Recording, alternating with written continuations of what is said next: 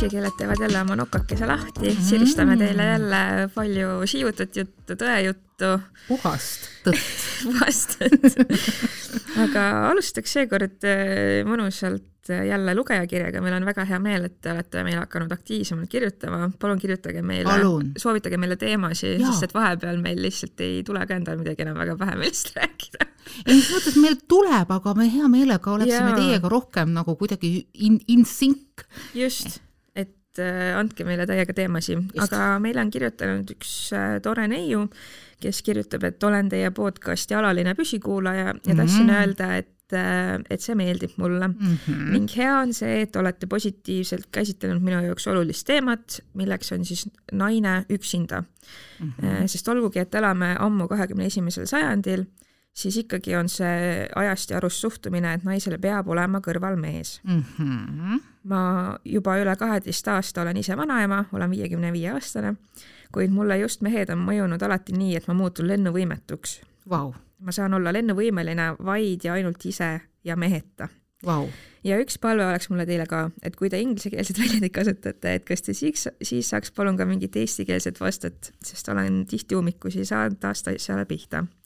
Jah, selles suhtes küll, et Olgu siis. minul on see Eston English ikka täiega sees, sellepärast et noh, ma enamuse ajast suhtlen inglise keeles inimestega, tarbin inglisekeelset äh, meelelahutust, meediat, kõike seda.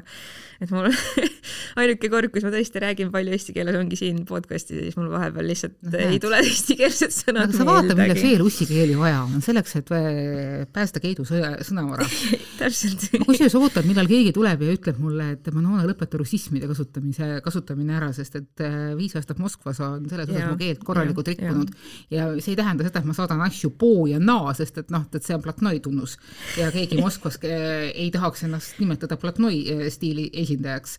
aga mingisugused äh, mingisugused derivaadid, mingi intelligentne tšilavekk ja niisugused asjandused ikkagi on jäänud sisse ja ma üritan nagu jah, me üritame ka neid tõlkida jah, ja ta lõpetab siis äh, kirja sõnumiga, et äh, laske edasi, tüdrukud, teil tuleb see podcast välja suurepäraselt, teis on sügavust ja kogemusi ja ainult edasi. Wow.. suur aitäh sulle, see on väga-väga-väga armas see on tõesti armas, aitäh sulle! ja ma väga saan nagu, issand jälle ma tahan öelda inglise keeles relate ida, kuidas eesti keeles ma suhtestun just, ma suhestun väga hästi äh, selle kuulajaga, sellepärast äh, ka mul on hetkel tunne, et äh, ma toimin suurepäraselt üksinda, et ma hetkel ei kujutaks küll ette, et ma peaks elama mingi mehega koos ja kuidas ma oma elu kujundan, sellepärast et nagu ma ei tea, maailma parim tunne on see, et ma lähen oma koju, kus on minu lemmikloomad, minu voodi, minu asjad äh,, lihtsalt nagu minu energia ja ma nii kaifin seda, et selles suhtes ma täiega suhestun ja et see nagu mehe kõrvalt nagu kuidagi oma elu elamine läheb mõnes mõttes keerulisemaks mm, -hmm. sellepärast sa pead oma energiat kellegagi jagama, absoluutselt no vot, mina olen see inimene, kes on noh, nagu ühes varasemas saates oli kirjas, see sariabielluja, kes ei ole alates üheksateistkümnendast eluaastast kordagi vaba ega vallaline olnud. Et äh, mis ma oskan selle peale öelda? ei tea, kas see tuleb sulle üllatusena, aga ma saan sinust väga hästi aru. ja ma saan täiesti aru sellest lendamise tundest, sellest vabaduse tundest, selle eest, et vastutada ainult iseenda eest. see on hästi oluline asi, et, et kui sa tunnetad, sinu elurool on ainult sinu enda käes kunagi oli mul õudusunenägu, mida ma nägin oma, ühe oma eelmise halva suhte lõpus kogu aeg. See oli selline, kus kohas äh, ma juhtisin autot, aga ma ei juhtinud seda esimesest istmelt, ma ist-, ma juhtisin seda tagumiselt istmelt. Et võite ette kujutada, kui halb on juhtida autot, kui sa ei istu esiistmel, vaid tagumisel istmel, kui sa pead kuidagi leidma viise, kuidas oma jalgu panna sinna gaasipedaalidele ja kuidas äh, pidurdada ja kuidas äh, üle esimese istme oma, oma autot roolida. ja see unenägu tuli mulle üha uuesti ja uuesti. Ja ma ise arvasin, et see on mingisuguse pingelise eluolukorra seletuseks. aga alles hiljem, siis kui see halb suhe oli otsa saanud ja see unenägu ka lõppes õppisin ma seda enda jaoks dekodeerima ehk lahti mõtestama. et see oligi minu alateadvus, mis ütles, et, et jah, mingil määral sa praegu juhid oma elu, aga sul on üks suur jurakas eesiste ees, et sul oleks tegelikult vaja see eesiste minema visata või ise sinna eesistmele kobida. sest ega seal eesistmel kedagi ei olnud ja ma samamoodi võis unenägu mulle ka öelda, et, et ma olen suhtes, kus teist poolt ei olnud ja ma ise olen mõelnud, et, et kõige hullem üksindus ei olegi see, et, et kui inimene on üksi ja tunneb ennast äh, kuidagi halvasti, siis ka niimoodi võib juhtuda. aga kõige hullem üksildus kui selline on siis, kui sa oled sellises suhtes, millest sa välja ei saa.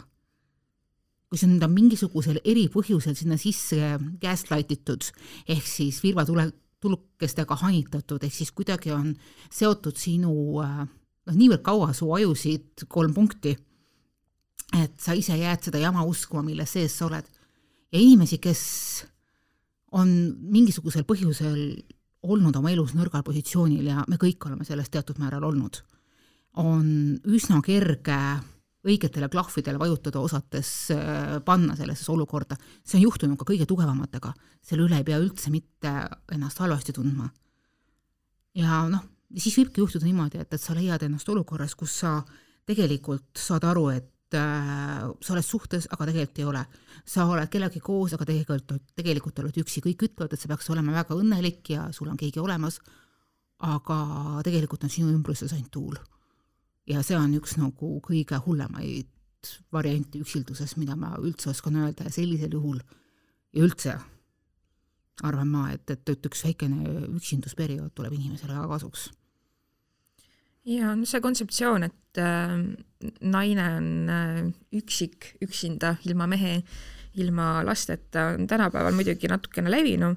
samas äh, ma käisin äh, hiljuti oma emal korra külas ja mu ema rääkis mulle, et minu kasuisa, kellega ta siis abiellus, oli rääkinud, et oi, et ikka ta ka vahepeal ikka mõtleb, et mul võiks ikka seal maal olla oma, oma mees ka, et kui ikka siis ta seal käib, et siis on ikka kellegagi rääkida ja mhm. asjatada ja teha ja siis on nagu mingi sorry, aga sa oled piisavalt vana, et iseendale sõpru leida, kallikene, oleks tahtnud ma vastata talle, et nagu mina ei pea selleks mingi mehe endale leidma, et sina saaks kellegagi äh, maal õlut juua, onju, sorry, kallikene aga, aga jah, see on nagu ikka, ma tunnen nagu oma perekonna poolt küll ikka sellist nagu noh, mitte väga tugevat, aga sellist nõrka nagu survet, et et umbes, et ikka, kas sa varsti ikka leiad endale kaaslase mm -hmm. ja umbes mingi, et kaua sa siin ikka üksi oled ja mingi šallalalala ja ma lihtsalt nagu mingi jah.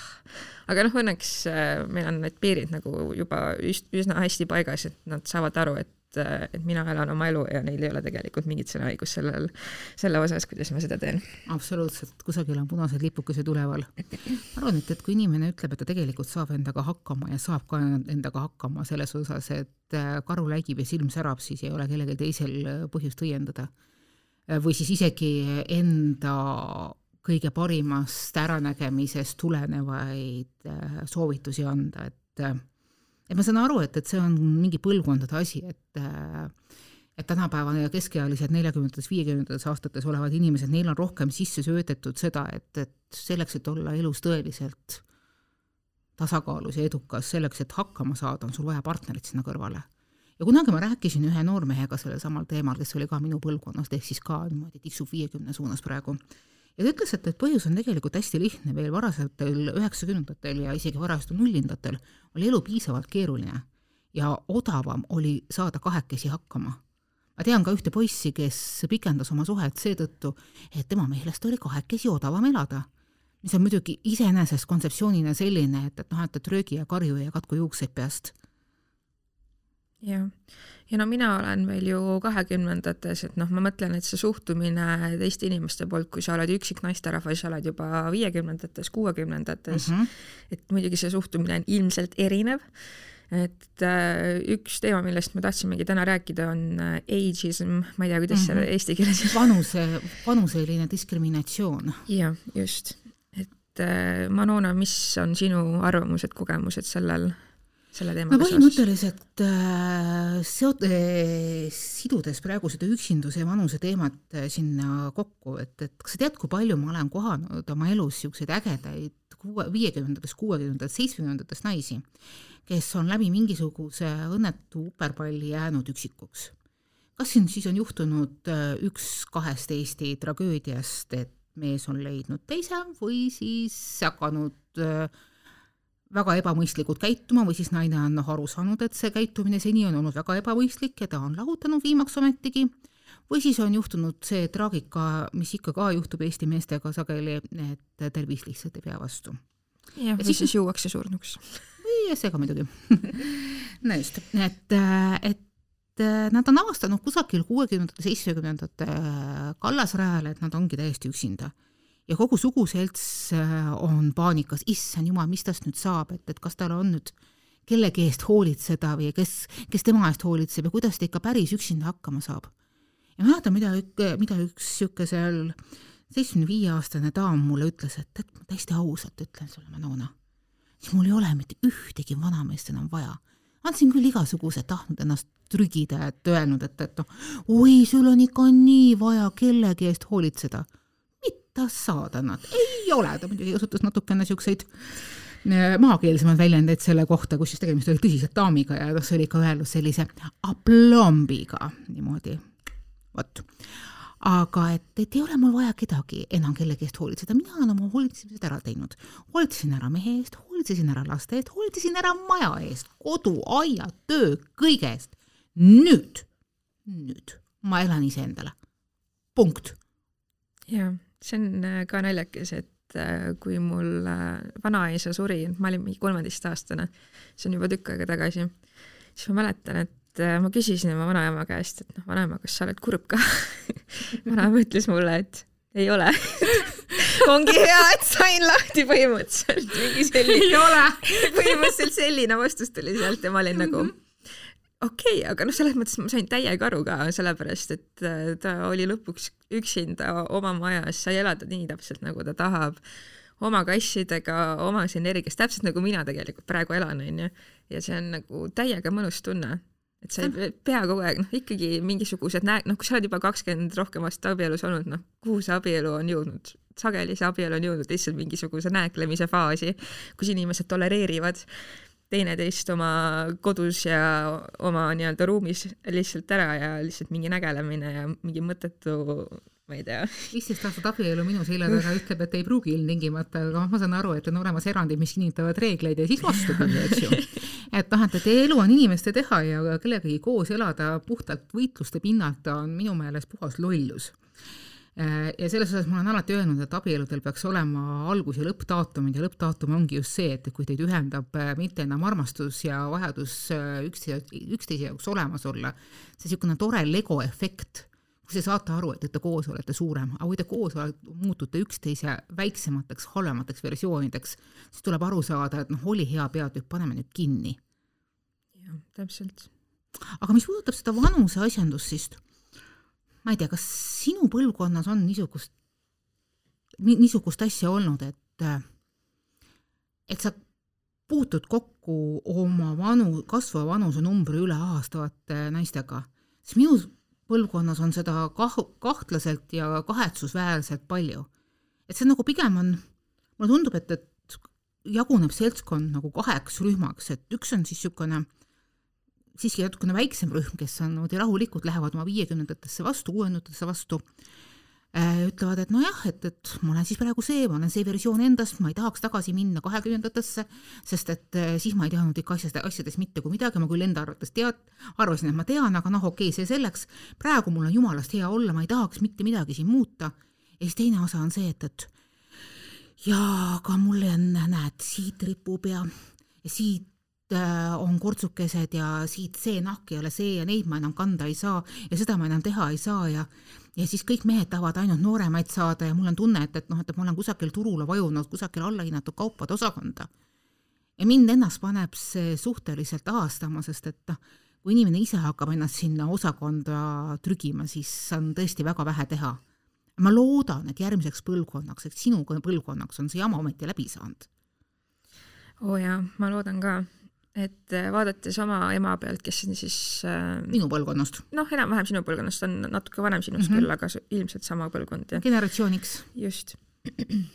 et minu ema on äh, ka selline inimene, kes on nagu megaaktiivne, ta käib praegu saamas mingisuguseid vitamiinikokteile, et ennast noorena hoida, ta käib võistlustantsus, et oma keha trimmida ta käib kõige kallimates juuksurites, noh muidugi ta on ka jõudnud nagu nii-öelda finantsiliselt sellisele tasemele, et ta saab seda kõike omale võimaldada mm, -hmm. aga tema jaoks nii-öelda noh, ta ütles mulle ka, kui ma just tema juures käisin, et ta tahab kuuekümnendates välja näha nagu ta oleks viiekümnendates, onju. me nagunii näeme kuuekümnendates välja nagu viiekümnendates, sellepärast et meie elu on olnud võrreldes äh, vanaemadega niivõrd palju teistmoodi, et noh, vanasti minu vanuses nelikümmend, kas ma saan varsti nelikümmend seitse, pandi rätiks see pähe juba. jaa ja see on äh, tegelikult väga naljakas, et äh, noh, mu ema ja mina ka oleme ju üles kasvanud ja käinud koolides äh, Eestis noh, väga väikestes maakohtades tegelikult mm, -hmm. tema on sündinud Kohtla-Nõmmel, aga käinud ka Jõgeval koolis ja üks suvi oligi siin paar suve tagasi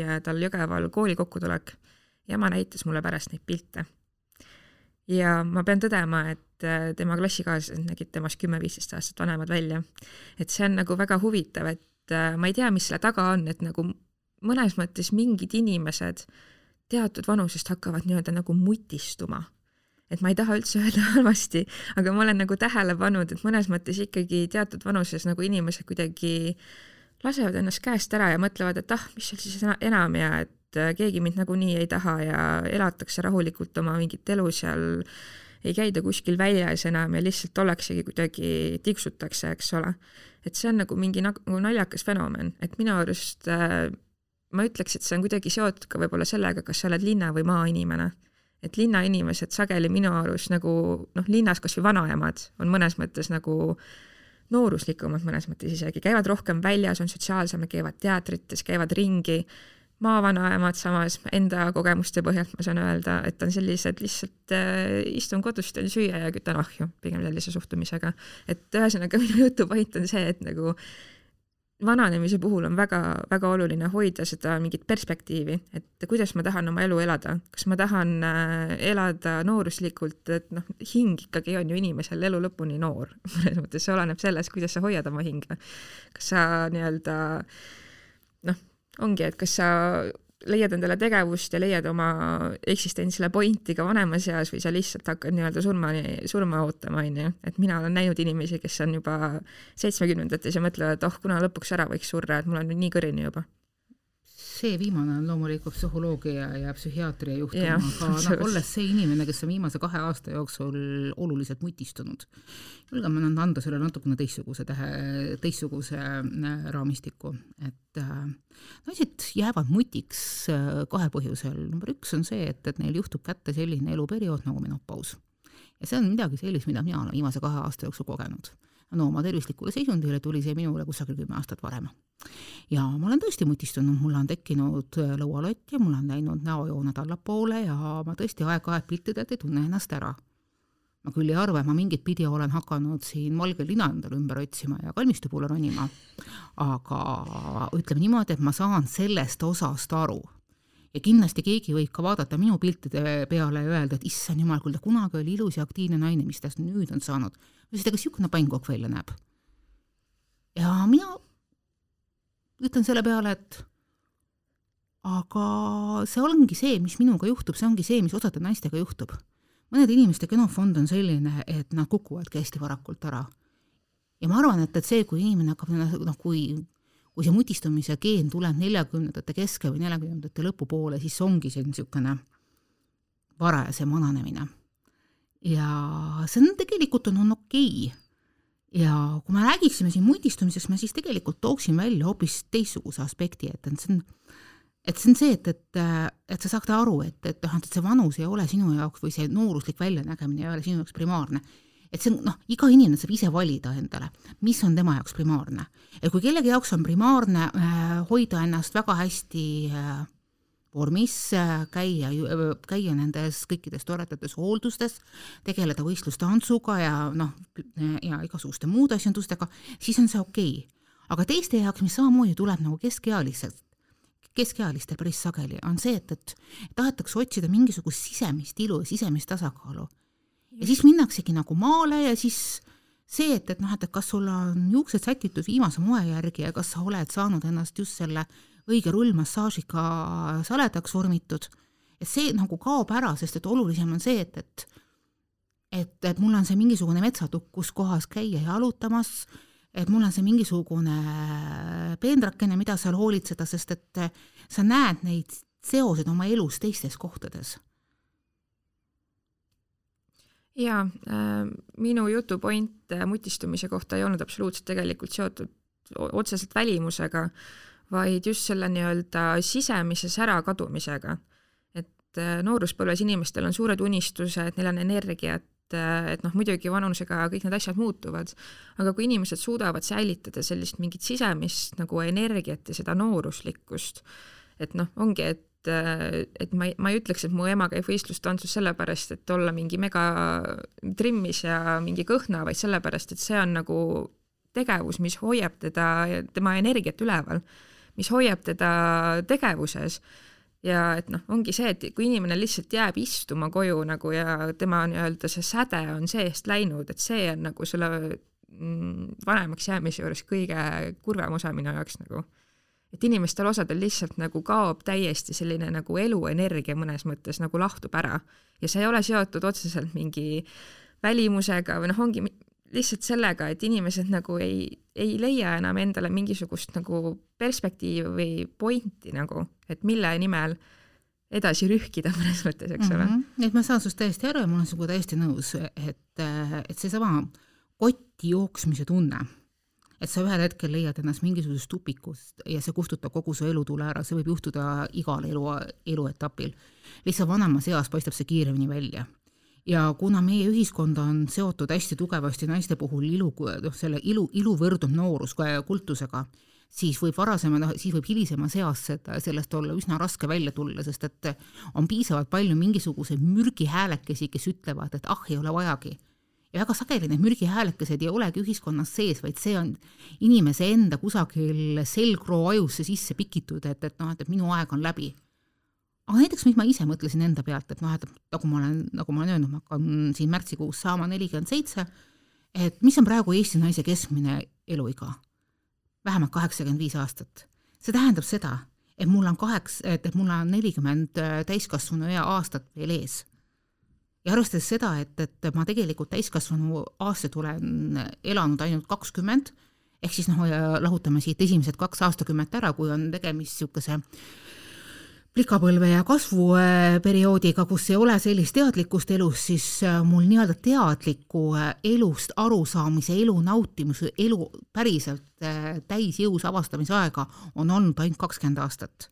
ja kui nüüd selle pealt peaksin nagu leidma, et, et et äh, ma peaksin sellesama valge lina endale ümber panema ja hakkama kalmistu poole minema, siis see täna väga jääb ära.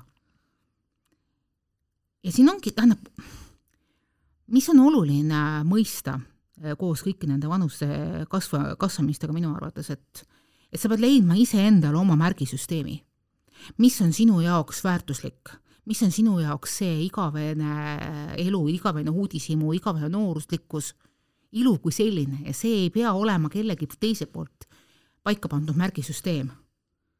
ja siin tegelikult eh, ei ole vahet, et kas see märgisüsteem on sinu jaoks äh, see, mida peetakse konventsionaalses mõttes glamuurseks. sest see võib ka täiesti okei okay olla ja ma saan elupõlise hilparakana sellest suurepäraselt aru. Äh, et see võib olla sinu jaoks ka see märgisüsteem, et, et sa teed teoks mingisuguse oma unistuse ja lähedki sinna metsa sisse elama ja oled seal tohutult õnnelik.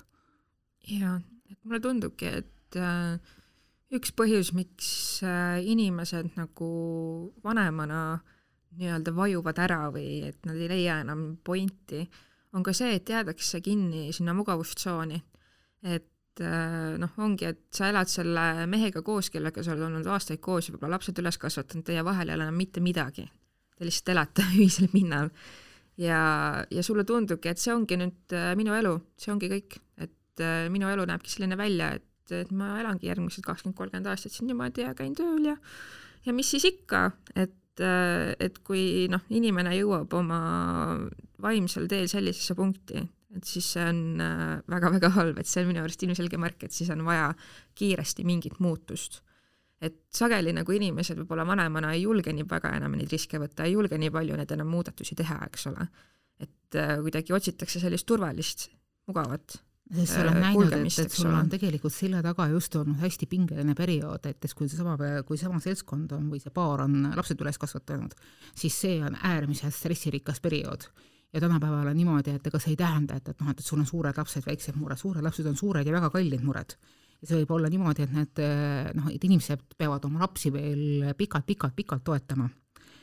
et äh, ma arvan, et sellises olukorras on kõige olulisem teha endale vahet, et, et noh, et mis, mis on see okas, mis sind tegelikult torgib. et äh, ma nimelt arvan, et äh, teatud määral rutiin on hea asi.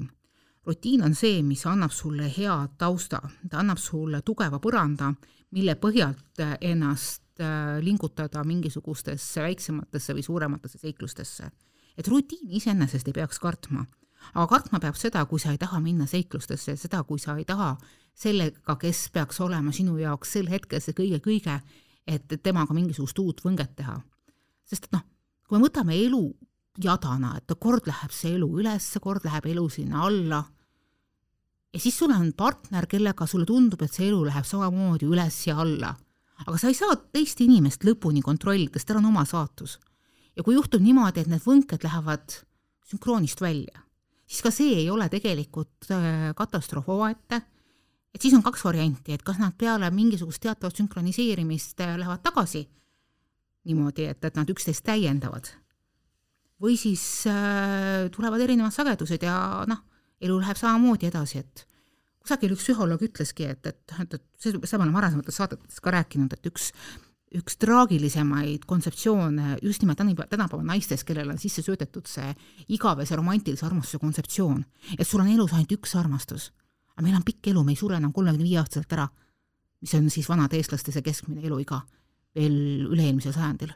et meil on pikk elu, mitu armastust. see võib olla viis eluarmastust, võib-olla kuus, võib-olla rohkem jah, et noh, minu jutu point oli see, et nagu ärge kartke võtta riske, isegi kui te olete juba vanemas eas. et noh, nooruspõlves muidugi inimesed panevad hullu ja, ja palju kergemalt äh, nii-öelda lähevad spontaanselt kaasa asjadega mõnes mõttes onju, et vanemast peast ma tahaks täiega näha, et inimesed nagu samamoodi, et noh, ongi, et äh, isegi kui sa oled äh, viiekümne viie aastane ja ülekaaluline, siis äh, sa lähed ikkagi seda võistlustantsu tegema. absoluutselt ja see on Selle, täiesti õige asi. just, just et sa leiad endale ikkagi elus asju, mis panevad sind proovile, et sa ei manne, nagu ei mandu ära seal kuidagi oma rutiinses kodu- ja tööelus mm, -hmm. et leida seda sädet ja seda adrenaliini ja seda seiklust ka vanemas eas ja minu arust noh, ongi see, mis hoiab selle elu värskena ja elu, elu ela, mhm. elamisväärsena, eks ole. Just nimelt ja keegi ei saa sulle öelda, mis asi on see õige, õige sära ja õige adrenaliin, kui see, kui see asi on sinu jaoks õige ja hea, siis tee seda isegi siis, kui see on, ma ei tea, mootorrattamatkale minek või siis äh, padjaklubis äh, ristpistes mingisugune tikkimine et äh, ma tean õnneks päris mitmeid niisuguseid äh, rokkivaid naisterahvaid, kes on saanud kuuekümnendateski hakkama niisuguste väikeste hullustega, mille peale on küll nende enda lähikond korraks äh, tagajalgadele tõusnud ja siis sealt veel kikivarvukile.